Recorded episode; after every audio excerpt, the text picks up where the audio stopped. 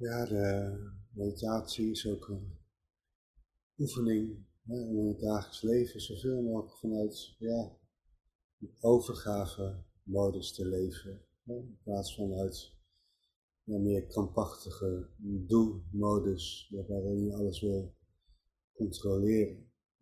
Elke stap, elke handeling, we kunnen ontspannen en uh, de vreugde van het aanwezig zijn kunnen ervaren. Dus in plaats van dat je externe dingen nodig hebt om die eh, vreugde te kunnen ervaren. Dus intentie om ja, meditatief zoveel mogelijk mee te nemen in het dagelijks leven.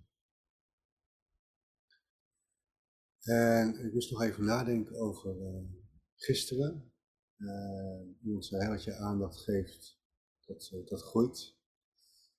Ik weet niet of de spreekwoorden altijd opgaan, maar klopt ook wel bij de meditatie. dus dat is ook wel de reden dat sommige mensen in eerste instantie helemaal niet rustiger worden van meditatie.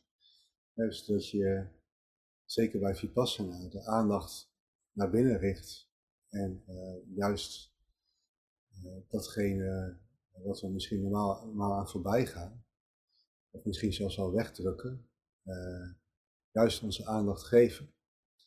En dat zie je ook vaak in retraites, mensen in eerste instantie alleen maar onrustiger worden, of alleen maar alle emoties krijgen die ze in het dagelijks leven nou, niet zozeer meer tegenkomen. En soms komen ook echt dingen, trauma's naar boven. Van vroeger, ja, waar mensen heel lang geen aandacht aan hebben gegeven. Dus het is vaak ook nodig, nee, dan stond vaak niet het einde, maar het begin van een heel mooi proces. Hè, dat je het op een gegeven moment dus uh, kan transformeren, waardoor het minder ook op de achtergrond aanwezig is. Want het is dan altijd wel aanwezig, we hebben het alleen dan niet altijd in de gaten. Het heeft een hele sterke invloed op ons leven. Dus ja, inderdaad, als je eh, de aandacht erop richt, kan het misschien eerst groeien, maar kan het misschien ook transformeren. Dat is, uh.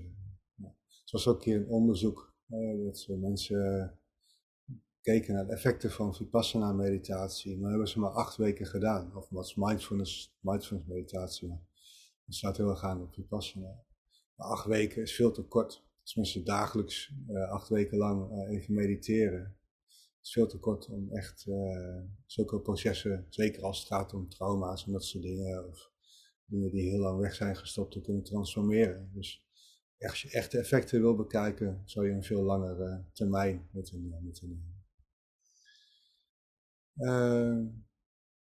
ja, dan ga ik microfoons aanzetten of gelegenheid geven om ze aan te zetten. Er is nog gelegenheid om te vragen of te delen.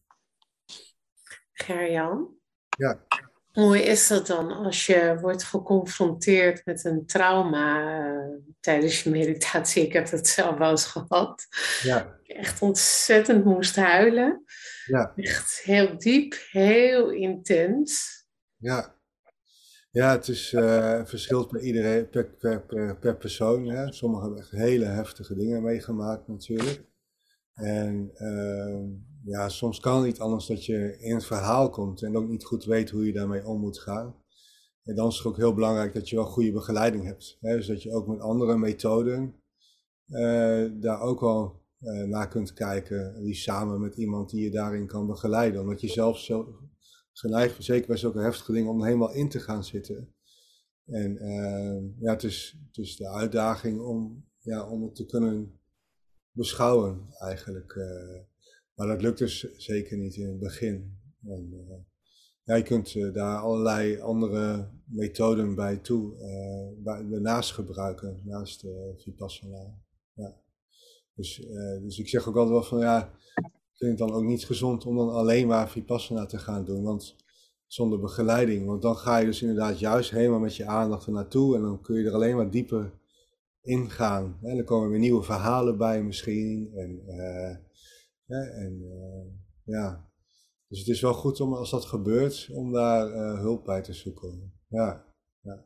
En dan kan het heel mooi zijn. Dan kan het dus het begin zijn van een heel mooi transformerend proces. Hè? Dus, uh, dus met de juiste hulp en de juiste tools, ja, kun je daarmee echt iets wat je altijd bij je hebt gedragen en echt je leven beïnvloedt. Dat kan eigenlijk haast niet anders. Transformeren. Ja, transformeren klinkt zo groot, maar ja, het is wel, ja, het, het, het kan echt wel een verschil maken. Ja. Oké, okay, dankjewel. Het is vaak wel een lang proces. Hè? Dus, uh, ja. En als het gebeurt in de Vipassana, het is dus inderdaad de uitdaging om het te zien voor wat het is. Hè? Dus uh, het woord trauma maakt het ook al heel heftig of zwaar.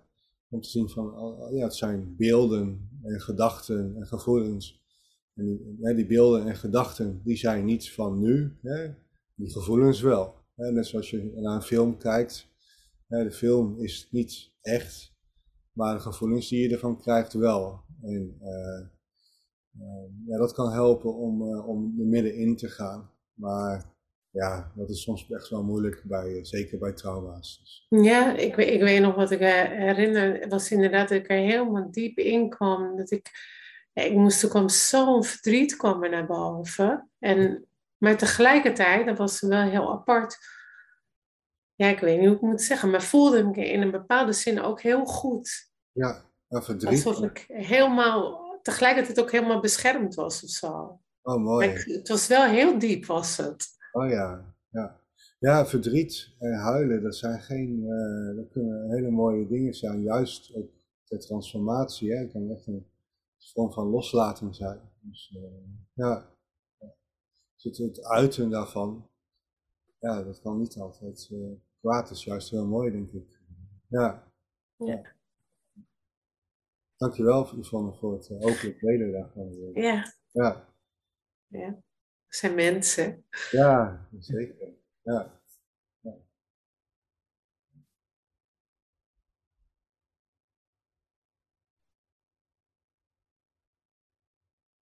Oké, okay, dan ga ik uh, afsluiten voor vandaag. Iedereen uh, heel bedankt weer. Morgen is weekend, hè? dus uh, half zeven. Oh, ja. dat is waar ook, ja. Fijne dag. Dag allemaal. Doeg. Dank je. Dag. Fijne vrijdag. Fijne ja, hetzelfde. Ja.